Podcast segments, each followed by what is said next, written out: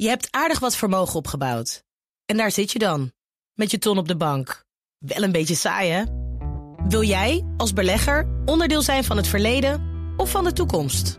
Bridgefund is een slimme fintech die een brug slaat tussen de financiële behoeften van ondernemers en van beleggers. Dus wie belegt bij Bridgefund krijgt niet alleen een mooie vaste rente, maar brengt ook ondernemers in beweging. Echt waar, met die ton kan je zoveel betere dingen doen. Bridgefund. Make money smile.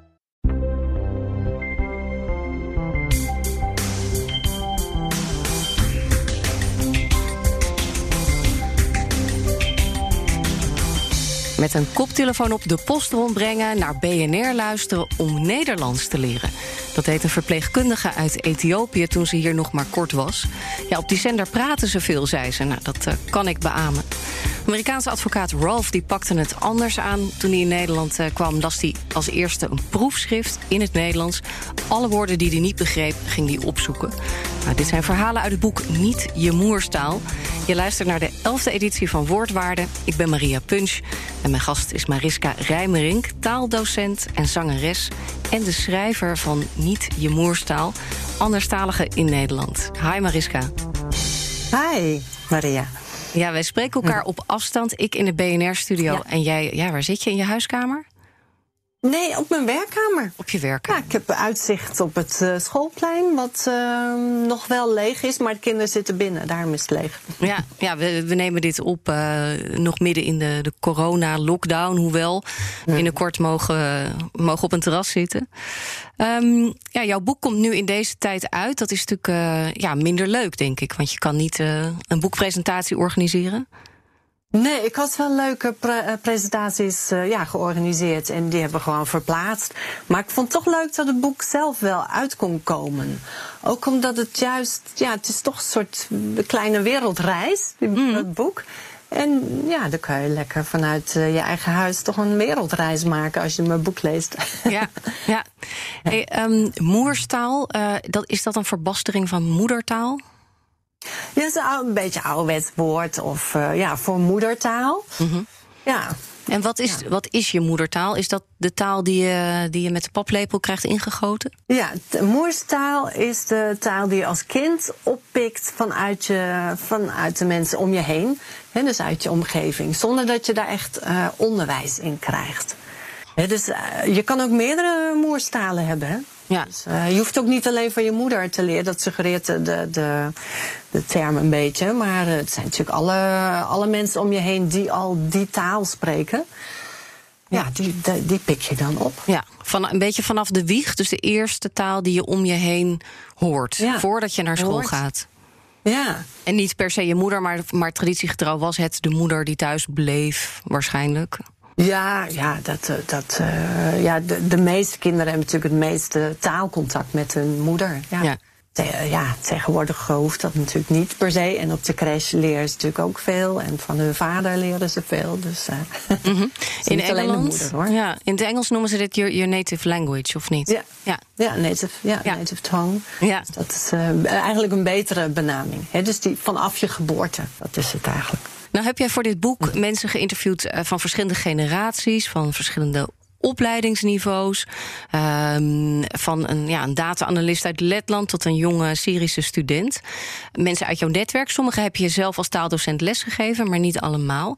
Is er nou één ding eh, wat zij gemeen hebben bij het leren van, van Nederlands, van onze taal?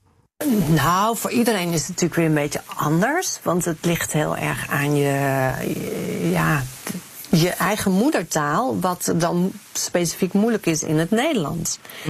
Hè, Zijn er, herken je dingen vanuit je eigen moedertaal? Dan is het natuurlijk makkelijk. Bijvoorbeeld voor Duitsers is het, eh, is natuurlijk de eerste helft van het Nederlands leren best wel heel makkelijk. En, en, eh, maar het ligt er ook aan of je al een andere taal had geleerd. Bijvoorbeeld goed Engels eh, spreekt, als Engels niet je moedertaal is. Dus de, de, en of je het alfabet al kan. eh, iets heel simpels. Ja. Maar nou, niet, dat is dus niet zo simpel. Ehm, Daar ja, gaan dat, we vanuit, dat scheelt natuurlijk. maar dat gaan Ja. we vanuit bij een volwassene, maar dat is niet per se zo. Nee, sommige mensen hebben natuurlijk een heel ander uh, alfabet geleerd. Mhm, mhm. In, uh, Ja.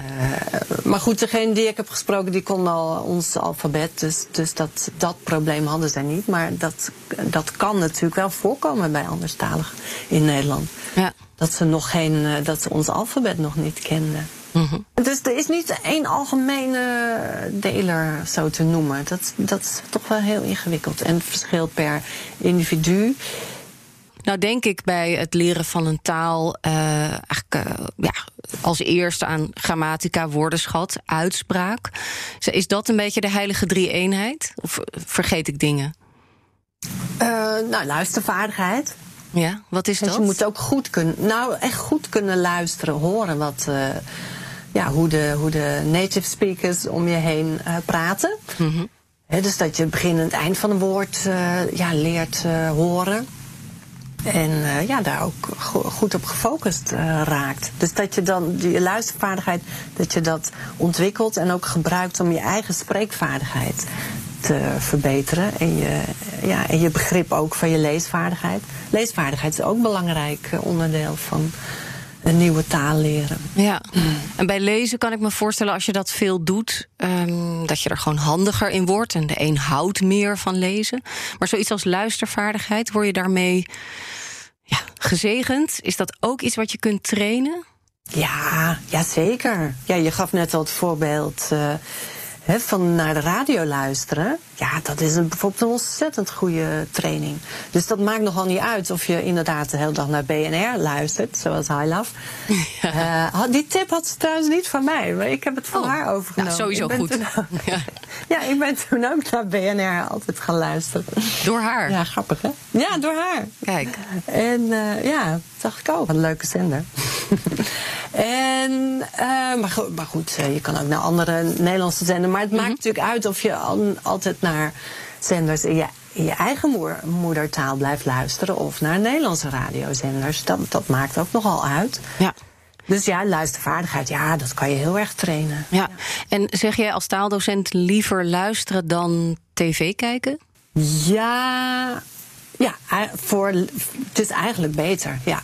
Maar het, eh, tv kijken kan natuurlijk meer visuele context geven, waardoor je dingen sneller begrijpt. Ja. Het kan ook heel lang afleiden. Dus dat je te, eh, ja, juist omdat je het uit die context eh, pikt, de, de betekenis, kan, het dus, eh, kan je eraan voorbij gaan dat je het Nederlands eigenlijk nog helemaal niet goed hoort of niet begrijpt. De, dus radio is veel, eh, ja, het is echt puur luisteren. Dus het kan ook podcast zijn natuurlijk. Ehm, dat, dat is natuurlijk veel eh, beter voor je luistervaardigheid. Ja, zeker. Ja. En jij zegt inderdaad context. En dan komen we eigenlijk bij iets wat ook echt met taal leren te maken heeft, eh, maar niet zozeer taaltechnisch is. Eh, eh, ja, cultuurverschillen. Ja. Hoe, hoe begrijp je de dingen? Sommige dingen zijn natuurlijk heel eenvoudig te leren. Ik bedoel, een tafel is natuurlijk overal een tafel. Maar ja, iets, iets abstractere begrippen. Of bijvoorbeeld, nou, koffie. ja, wij drinken koffie op deze manier. Ja. Hè, zoals wij het gewend zijn. Maar eh, dat kan in andere landen maar wat ook al heel anders zijn. Eh, dus eh, dat je dan niet begrijpt dat je koffie geserveerd krijgt. Of ja, ik bedoel, dat zijn dan helemaal dingen helemaal in het begin. Maar kan later met abstractere begrippen kan het nog steeds wel ver- ja, verwarringen, spraakverwarringen opgeven. Omdat je andere connotaties hebt. Ja. Heb je daar een voorbeeld van? Nou, in mijn boek, eh, die Amerikaanse eh, geïnterviewde Ralph, die, die had aan een familielid eh, in Amerika verteld van ja, mijn zoon komt dan jullie zoon ophalen met, met de trein. Hè? Dan gaan ze met de trein terug. Ja. En, en die Amerikaan was gewoon helemaal eh, ja, gechoqueerd. Met de trein, dat doe je toch niet? Want ik bedoel, die weet prima wat een trein is. Maar de connotatie daar is van ja, trein, dat is, dat is, voor, eh, dat is een afstands eh, vervoermiddel. Terwijl het hier is het natuurlijk de beste manier vanaf Schiphol om ergens naartoe te gaan. Ja, het is over het algemeen best wel een oké vervoer in Nederland. Ja, Schoon, ja, het ja. rijdt redelijk op tijd. Ja. Ja, Ja, dus dat- dan heb je geen, dan, dan is er geen eh, spraakverwarring in die, in, nou ja, het is wel spraakverwarring, maar goed, hij begrijpt, die ander begrijpt prima wat wat een trein is. Mhm. Alleen de connotatie daarmee is, is anders. Ja. Dus, dus dat. eh, En dat lees je niet in een boekje en dat krijg je ook waarschijnlijk niet bij de inburgering. Dat zijn natuurlijk dingen die je echt alleen maar. Het soort van learning by doing ontdek je dit soort Ja. dingen. ja, ja. En, dan, en ik denk dan als eh, nou, hier een Nederlander, eh, ja, god, dat is dan toch niet zo erg.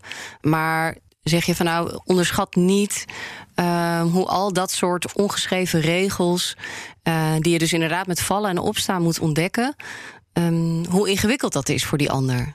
Nou, precies. Want het is toch wel ontzettend eh, vermoeiend. Omdat je de hele dag dan inderdaad. Bedoel, de anderstalige is zich daar natuurlijk van bewust. Van, oh, oh, misschien bedoelen ze het wel anders. Dus ik begrijp het zo, maar misschien bedoelen ze het anders. Dus je bent dan eh, de hele tijd dan aan het zoeken en denken van... ja, wat bedoelen ze nou eigenlijk? Of wat wordt er nou precies gezegd? Het is toch, toch veel vermoeiender luisteren dan gewoon in je moedertaal. Heel veel, Ja. taal die je heel goed beheerst. Kijk, op een gegeven moment als je hier al 30 jaar woont... en je spreekt gewoon heel goed Nederlands... dan, dan gaat het ook allemaal weer makkelijker natuurlijk. Maar zeker die eerste jaren kan het een enorm vermoeiende bezigheid zijn. Ja. Ja. Ja, en als we dan weer even echt weer inzoomen op de taal, dan eh, vertel je ook in je boek dat in sommige culturen eh, je eigenlijk niet mag zeggen dat je iets niet hebt begrepen. Ja, ja die, er zijn best veel culturen waarin je bijvoorbeeld geen nee eh, mag zeggen, want dat is heel onbeleefd. Dus als de docent dan vraagt van heb je het begrepen? Dan zeg je ja. Ja hoor. Ook al eh, begreep je er niks van. Ja, En welke culturen is ja dat? dus dat is. Nou ja, heel veel. Heel veel culturen. Ja, maar bijvoorbeeld, eh, we hebben hier eh, in Nederland natuurlijk veel Arabisch sprekenden. Dus vanuit de Arabische achtergrond hebben veel mensen dat. Ja. Dus dus eh, ja, bescheiden opstellen tegen een docent. En, eh, ja, ze, en die proberen te pleasen. Ja. Dus, de, dus ja, en dat, dat, eh, dat is zeker in een lessituatie is niet zo handig. Nee. Je moet gewoon zeggen als je het iets niet begrijpt natuurlijk. Jij Ja, en ook en durven te eh, vragen. Maar jij bent daar waarschijnlijk alert op. Kun je dat doorbreken door, door te zeggen, door dat te benoemen? Ja, ja, in een lessitu- ja, in een lessituatie ben je daar zeker alert op. Dus dan, dan kan je het op een andere manier vragen. Van, nou, dan, dan- dus dan vraag je niet, van snap je het? Maar dan kan je vragen van nou, leg, zeg jij het nou in je eigen woorden. Wat ik net heb verteld. Ja. Ja, en dan, dan hoor je vanzelf wel of ze het wel of niet snapten. Dus, dus, eh, maar ja, in, in het gewone sociale verkeer, eh, ja, denk je daar niet altijd aan. Of, ja, dus, dat, dus, dus heb je het ook niet altijd door. Als Nee. iemand staat te knikken of zeggen ja, ja, dat ze misschien toch anders begrijpen, verkeerd begrijpen of totaal niet begrijpen. Ja. Zijn er andere cultuurverschillen? Want wat we vaak wel horen is uh, hè, van Nederlanders zijn direct. Zo, wij worden als bot ervaren. Uh, zelfs al door de Belgen. Dat is dan dat je denkt, nou, Ja. twee uur rijden. En uh, dat is dan toch niet zo. dat, zou, dat verschil zou misschien niet zo groot moeten zijn. Vinden ook dat wij luid praten. Het cliché van na, na één koekje gaat, gaat de trommel dicht. um, zijn, er, zijn er meer voorbeelden waarvan je zegt van ja, daar weet je ook daar botst de cultuur of daar, weet je, daar is, ligt echt zo'n soort interpretatieverschil op de loer? Gastvrijheid misschien. Ik denk mm -hmm. dat je bij Nederlanders toch niet zo gauw uh, naar binnen. Hè? Dus binnen zijn huis wordt gevraagd. En mogen mee eten en zo. Dat is, dat is hier wel ja. anders dan in, dan in veel andere landen. Zelfs al in Duitsland, denk ik al. Ja. Ja, want als een Nederlander zegt, we gaan eten. Ja. Wat bedoelt ja, dan hij dan? moet je wegwijzen. dan, dan moeten de gasten, die moeten weg. Ja. ja, ja, ja. um, ja, we hebben het natuurlijk al een beetje over hè, die startpositie van, van of je überhaupt een alfabet kent, ons alfabet, waar je vandaan komt, hoe je bent opgevoed, hè, welke culturele bagage je meeneemt. Um, zijn er nou wel um, zijn er ook ideale omstandigheden waarvan je zegt: als je dan in een ander land een andere taal gaat leren. Hè, en je zou de situatie uh, even denkbeeldig ja. naar je hand mm -hmm. kunnen zetten. Wat zijn dan de meest gunstige voorwaarden? Uh, dat je veel taalaanbod krijgt. Dus dat je eigenlijk een, dat je een cursus gaat doen waarbij je bijvoorbeeld elke dag uh, wel naar school moet en huiswerk moet maken. Uh, dat je ook nog eens thuis of, of met je buren of vrienden ook nog eens ja, minstens een uur Nederlands sp kunt spreken. Hè, dus dan oefenen. Ja. Um, ja, en dan ook nog wat radio luisteren, nog wat tv kijken ja, dan, uh, dan gaat het lekker snel. Ja, dat klinkt bijna als een soort topsport. In de zin van elke dag zoveel uur investeren, investeren. En dan niet op één manier. Dus niet alleen je lesboek, maar ook ja. met je partner. Ja, in, ja, in het echte leven, hè? Ja. Het, echte, het echte oefenen. Ja, ja ik zei al uh, in de ideale wereld. Hè, want hoeveel mensen kunnen op deze manier de Nederlandse taal leren? Mm, ja, dat, hoeveel, dat weet ik niet. Ja, het, het ligt natuurlijk aan of je partner Nederlands is. Hè, of je kinderen bijvoorbeeld Nederlandstalig uh, al zijn. En of je daarmee wilt oefenen. Natuurlijk, sommige mensen vinden dat juist helemaal niet leuk om Nederlands te spreken met hun uh, kinderen. Um, omdat ze dan natuurlijk minder autoriteit hebben. Oh ja? ja. Uh, omdat ze slechter zijn in, in het Nederlands dan hun kinderen. Oh. Um, ja, uh, dus, dus daar ligt het natuurlijk wel aan. Of je thuis mm -hmm. ook het Nederlands kan en wil spreken. Ja dan, dan gaat het wel uh, sneller vooruit natuurlijk. En dat, dat thuis spreken, dat heb ik me nooit zo gerealiseerd. Wel in opvoeding, dat, dat ouders zeggen van uh, welke taal spreken we dan met de kinderen? Of jij jouw -hmm. taal en ik die van mij. Maar uh, wat ik las in, in een van de verhalen in jouw boek is dat een, een echtpaar, een, een stel, zei van ja, maar dan spreken we niet allebei Nederlands thuis, want dan heeft hij of zij, die heeft dan een emotionele voorsprong. Dus als wij samen praten, uh, dan spreken we bijvoorbeeld Engels. Um, ja. Want anders is het niet eerlijk. Dan dacht ik, hé. Hey. Ja. Ja. ja, zo hebben zij dat uh, ervaren. Ja, zij spreken nog steeds Engels met elkaar. Dat uh, stel, hoewel zij hier dus al twintig jaar woont. Ja. Dus ze spreken allebei in een niet-moedertaal met elkaar. Ja. ja. En zou jij dat dan juist niet adviseren? Nou, als je goed Nederlands wil leren, niet. Nee. Nee, nee. nee. Ja, de, ik, ik, ik kan daar geen oordeel over hebben. Maar als taaldocent denk ik van, oeh, gemiste kans. Ja. Want je kan natuurlijk enorm veel uh, snel leren van uh, als je altijd Nederlands spreekt met je partner. Ja. ja. Maar als je dan een keer een heftig gesprek hebt met elkaar over, nou ja, mm. dat, en misschien niet ja, van uh, wie, uh, wie heeft de kipfilet uit het vriesvak gehaald, maar uh, gaan we aan kinderen beginnen of gaan we verhuizen ja. of ik wil ander werk of ik ben niet gelukkig, ik mis mijn familie. Dan, ja. Um, ja, dan zou het dus niet eerlijk zijn of dan, dan heb je niet het vocabulaire. of de een wel en de ander niet. en dan is het een soort gelijk oversteken als je dan zegt, nou dan spreken we bijvoorbeeld allebei Engels. Ja, ja. Ja, maar ja, dan, daar kan je die verschillen ook nog in hebben. Dat de ene beter Engels kan dan de ander. Of zich daar prettiger ja. in voelt. Ja, ja. ja. ja. Ja, zij hebben daarvoor gekozen. En moet, dat, ja, dat moet iedereen zelf beslissen. Maar ik, ja, ik weet niet. Ik zou het niet, uh, niet aanraden. Nee. Nee, wat, uh, wat ook wel duidelijk wordt in jouw boek is dat, uh, dat je in een taal dus. Je hebt zoveel verschillende rollen. Uh, dus ja. je kan zeggen, ja, ja, tuurlijk, die uitspraak, grammatica, uh, coherente zinnen. Je, je moet uh, dingen begrijpen en je wil zelf begrepen worden. Maar in je rol als vader of moeder um, is, is die taal, heeft die taal een andere functie dan met je geliefde, dan bij de bakker, ja. dan in je carrière. Ja. ja, ja. Ja, dus het kan best zijn dat je in je ene rol functioneer je heel goed met je Nederlands. Dat zou kunnen. En in die andere rol uh, dat het dan veel, uh, veel minder gaat. Ja.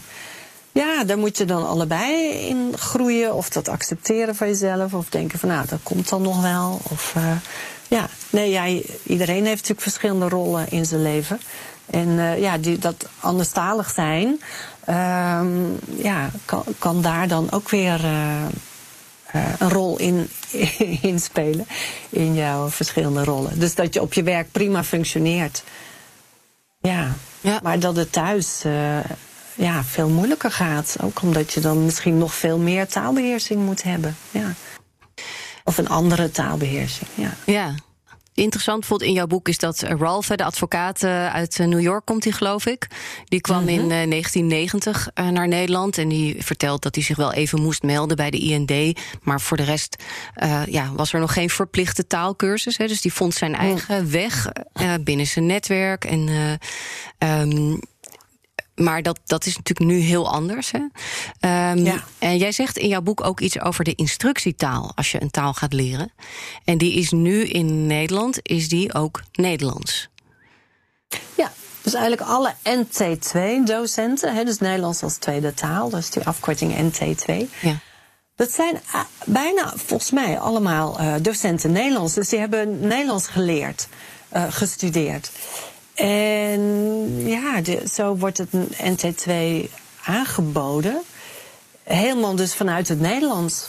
Mm-hmm. En ja, ik ben docent Engels. En als ik uh, Engels geef aan beginners, le leg ik het altijd in het Nederlands uit. Ja. Want dan snappen ze het veel sneller. En dan gaat het ook veel sneller. Dus ik kan me daar wel over verbazen, ja, over die NT2-cursus. En dan denk ik van ja, dat, uh, dat schiet dan toch ook niet op.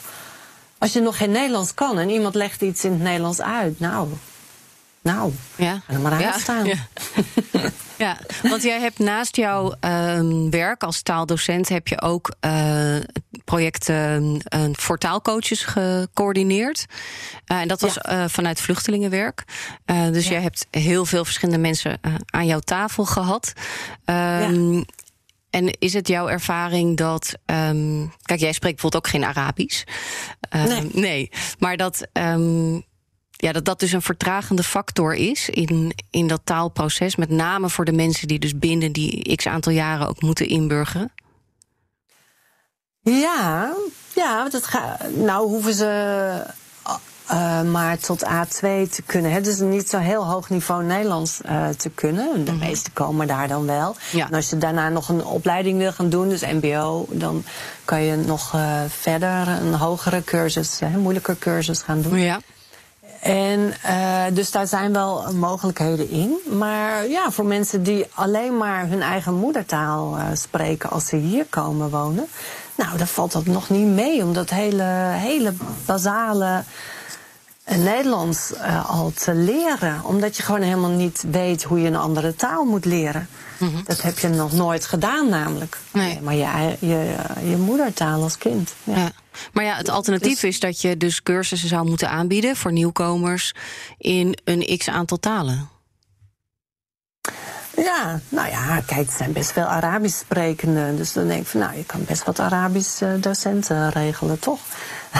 Ja. die dan die, die eerste, ja, die, die, die eerste cursus geven in het Arabisch, natuurlijk wel over Nederlands. Ja, en waarom gebeurt zou, dat ja, daar zou ik voor pleiten. Ja, de, ik denk dat ze niet genoeg docenten daarvoor hebben omdat er natuurlijk zijn weinig Arabisch, uh, mensen met een met, uh, Arabische achtergrond die Nederlands hebben gestudeerd. Ja. Maar is het niet ook een politieke keuze? Ja, ja, die hele inburgering, dat is allemaal politiek. Het mensen zo moeilijk mogelijk maken, lijkt het wel. Door bijvoorbeeld De, de informatie over inburgeren alleen in het ja. Nederlands en in het Nederlands ja. aan te bieden? Dus je moet, uh, ja, de, dus, uh, ja, je moet ofwel door je, door je Nederlandse familie, hè, er zijn natuurlijk veel mensen die hier komen wonen en die komen in een Nederlandse schoonfamilie, dus dat die je overal uh, mee helpen. Of bijvoorbeeld bij vluchtelingenwerk, ja, hadden vluchtelingen natuurlijk ja, een aantal vrijwilligers om zich heen die ze daarmee hielpen, want anders kon je dat toch niet zelf. Dat is ja. dan veel te ingewikkeld. Ik denk dat het voor Nederlanders zelf ook uh, ingewikkeld is. Ik ben zelf uh, ook uh, taalcoach geweest als vrijwilliger mm -hmm. voor een jonge vrouw uit Syrië. En mm -hmm. mijn indruk is dat, um, dat je eigenlijk gewoon een soort local nodig hebt. Mm. Local, ja. local jokel die je gewoon helpt. Um, ja. Met heel veel contextachtige dingen. -hmm. En ook gewoon wat, wat betekent dit woord of wat staat hier nou. Of om te checken, heb ik het eigenlijk goed begrepen? Ja, zeker. Ja, daar, daarom is ook dat taalcoachproject He, zo mooi. Want, uh, want uh, ja, niet alles hoeft natuurlijk geprofessionaliseerd te zijn. Mm -hmm. Het is ook belangrijk om, uh, ja, dat er ook vrijwilligers om, om, om zijn om, om ja, die zich dan bemoeien met iemands taalverwerving. Ja. Nou, niet bemoeien, maar dat, dat klinkt negatief, maar ja, die, die daar Liefdevol, ook interesse in hebben. Ja, ja, ja, nou ja, die de, ja, aanmoedigen. Want Mm. dat, dat, dan voelt uh, ja, die, de anderstalige zich ook wat meer. Uh, nou ja, uh, zo van, oh, er is nog iemand die daar interesse in heeft in mijn taalverwerving. Dat is natuurlijk heel belangrijk. Ja, want jij zegt dat ook... je ook zelf interesse hebt in je eigen taalverwerving. Als je denkt van, nou, ik ga dat toch nooit leren en ik kan het niet. En oh, wat heb ik nou voor nodig? Want ik heb toch alleen maar, nou, bijvoorbeeld uh, Engelse, Engels sprekende vrienden of Arabisch sprekende vrienden. Waarom zou ik het moeten leren? Nou ja, bijvoorbeeld omdat je die, die leuke taalvrijwilliger hebt die jou, die, die geen Arabisch kan en graag met jou wil thee drinken of uh, wil winkelen of uh, iets gezelligs doen. Ja. Ja, wat ik me gerealiseerd heb is als je. Uh, het is natuurlijk anders als je hier komt uh, voor werk of de liefde uh, of studie. Mm. Dan, dan krijg je daar eigenlijk al heel snel een, in ieder geval een klein netwerk bij. Um, dus ja. dan val je niet helemaal in het niets. Maar als je inderdaad echt uh, nou, als een vluchteling hier komt, dan heb je geen netwerk. Als ik een loodgieter zoek, dan ja, bel ik gewoon in mijn vriendenkring of, of mijn, mijn ouders. Zeg, hadden jullie nou een goede loodgieter? En mm. als je uh, hier echt nieuw bent en je begint op nul, -hmm. uh, dan, kan je dus, dan heb je gewoon geen mensen om je heen, geen netwerk om op te leunen. En volgens nee, mij is dat dus... ook een soort van belemmerende factor um, in nou ja, sowieso inburgeren, maar ook wel in de taal leren. Ja, zeker. Zeker. Ja, met, hoe, met hoe meer mensen je Nederlands kunt spreken, hoe, sneller het vooruit gaat natuurlijk. Ja. Ja, ja, zeker als je, ja, als je de hele dag thuis zit en uh, ja, toch weinig, weinig doet. Of het niet durft, hè, dat is het ook vooral vaak. Ik weet bijvoorbeeld een voorbeeld van een jongen en die ging wel elke dag naar de universiteitsbibliotheek. Dus dan zat hij tussen de studenten. En uh, zat hij daar met zijn, met zijn Nederlandse boek. En, uh, maar ja, hij durfde niemand aan te spreken. Ah. Ja. En, dus hij zat wel heel hard te leren. En uh, ja, hij heeft echt heel goed zijn best gedaan. Echt, nou, petje af. Maar hij, hij durfde dus niet um, ja, mensen aan te spreken. Terwijl, ja, als je dat, ik denk dat ze dat best leuk hadden gevonden. Als je gewoon iets vraagt van, uh, zeker als je uit je boek, nee, je laat je boek zien, dan zeg je, nou, kan je mij even helpen, hoe moet ik dit uitspreken? Of, Mhm. uh, of begrijp ik dit goed? Of kun je dit even, je dit even, dit rollenspel even met mij oefenen? Ja. Bijvoorbeeld. Ja, maar dat durfde die dus niet. Je moet ook wel een beetje durven, hè? Ja. Ja. Ja. want dat zit dan niet zozeer in cultuur of het, Nee, het, is ook per persoon. Nou ja, een cultuur, ja, een cultuur Misschien. kan dingen natuurlijk wel versterken. Maar ehm, ja, je moet ook wel een beetje open, open zijn. Ja. Ja, en echt het, de, de motivatie en het karakter, de doorzettings, het doorzettingsvermogen hebben Ja. om, ehm, ja, om, om steeds maar weer je tanden in die taal te blijven zetten. En aan al die situaties waarvan je niet zeker weet of je ze snapt, of je het goed op waarde hebt geschat. Ja, ja, ja zeker. Dus dat, dat, eh, maar goed, dat is wel vermoeiend, hè? Dus dat, dat is wel goed voor Nederlanders ook om zich dat te realiseren. Zo af en toe. Het is wel vermoeiend om anderstalig eh, te zijn. Ja. Eh, dus ja, hou daar ook een beetje rekening mee. Ja, ja. Eh, je geeft in jouw boek ook een aantal tips. En sommige die eh, ja, waren voor mij nieuw. Van wat nou nog kan helpen om ehm, hè, een taal sneller te leren. Of er in ieder geval mee bezig te zijn. En hè, tuurlijk, eh, hè, praat je met je buren. Dat, er zijn een aantal dingen die liggen voor de hand. Eentje ging over eh, boeken lezen. Ja, iemand zei van nou, als je een boek in het Nederlands leest, wat je al eh, kent vanuit je eigen taal, dat kan dan ook eh, helpen. Want dan weet je dus al waar het boek over gaat. Zo ongeveer nog. En dan, eh, ja, dan lees je daar nu ineens de, de, de Nederlandse woorden bij. Ja, dat kan, dat kan een leuke tip zijn. Ja, Kinderboeken is natuurlijk ook leuk. Zeker als je jonge kinderen hebt. eh, ja, lees ze voor. Hm. En eh, zo vaak mogelijk. En die kinderen willen toch altijd hetzelfde boek horen. Dus dat is natuurlijk heel goed ook voor je eigen ja, uitspraakoefening. Om steeds maar eh dikkie dik eh, voor te lezen. ja. Dus ja, Dat je er gek kind vindt het leuk en voor jou is het goed. Ja. ja. En ehm, Belgische radio of tv luisteren, opperde jij ook in je boek? Ja, dat zei iemand. Ja, ik weet, ik kijk zelf heel weinig tv en al helemaal niet naar het Belgische. Dus, uh, maar daar schijnen ze iets langzamer te praten. Dus, ja. ja. En laten we de Nederlanders, wij, um, ook eens een paar tips geven over hoe wij um, anderstaligen misschien een beetje op, inderdaad op een goede manier kunnen aanmoedigen. He, zij moeten echt wel zelf het grootste deel van het werk doen, dat is wel duidelijk. Mm -hmm. Maar hoe kunnen wij ze nog wat concreter helpen? Ja, maar het is een wisselwerking. Hè? Dus ja, oké, okay, iemand is. Nou, we zijn samen verantwoordelijk voor iemand zijn taalverwerving. Dat is wel een stelling ook uit mijn boek. Dus het niet te veel aan die ander overlaten. Mm. iemand moet gewoon al meteen meedoen vanaf het begin. En, en dan, dan, uh, ja, dan leer je het ook sneller. Hè? Als je met allemaal native speakers mag praten. Dat is net bijvoorbeeld, ik zat ook te denken, als je bij de fanfare gaat als, uh, als beginnend muzikus, dan mag je meteen meespelen met de, met, met, ook, met de fanfare gewoon. Mm -hmm. Ook al uh, ben je nog helemaal een beginner. Maar dus dat is juist zo leuk, want dat stimuleert ook om uh, thuis extra te oefenen en dat je ook beter wordt. En ja, nee, dus je bent allemaal. we zijn allemaal verantwoordelijk voor, voor de taalverwerving. Van, ja ja, wij vinden het belangrijk dat, dat mensen Nederlands leren. Nou ja, dan moeten we, ook met ze, dan moeten we ze ook de gelegenheid geven en met ze oefenen natuurlijk. Hè? Dus heb, heb compassie en geduld. En, um, en, en pas ook een beetje je spreektempo aan. Want Nederlanders kunnen soms wel heel snel praten. Ik moet er bij mezelf ook op letten hoor. Mm -hmm. En ook je, je woordgebruik. Toch ook een beetje, beetje aanpassen he, daaraan denken van nou, oh, is dit wel makkelijk genoeg uh, Nederlands? Ja.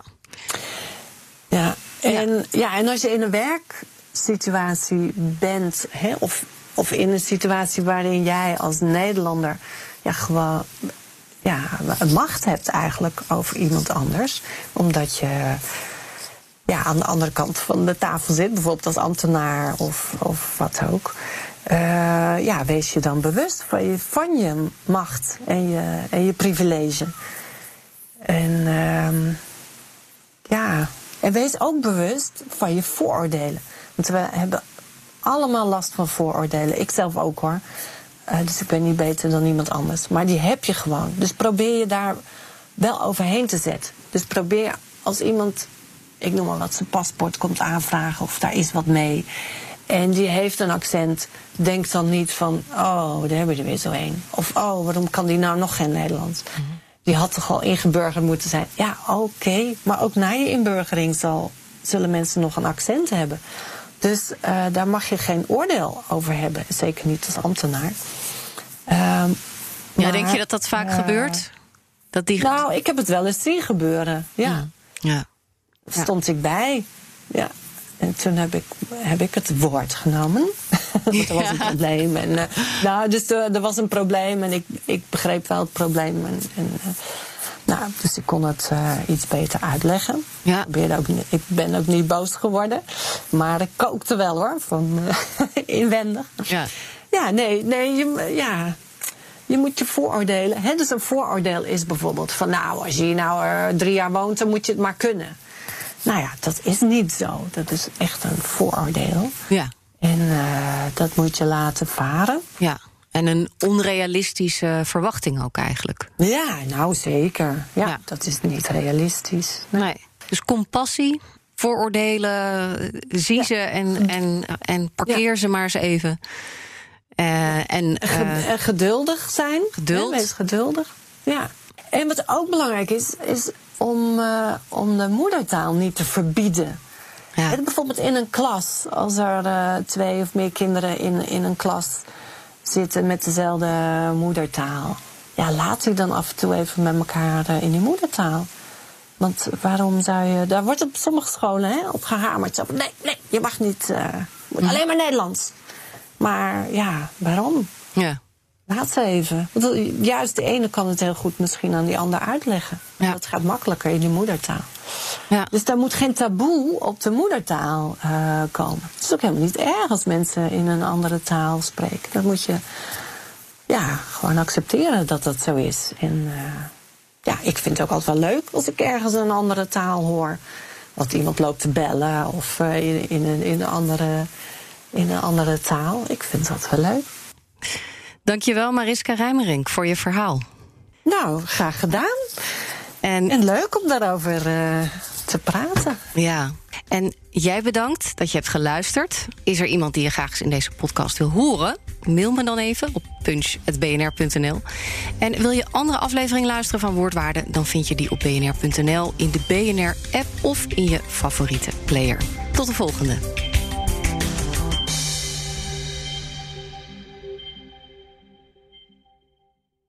Je hebt aardig wat vermogen opgebouwd.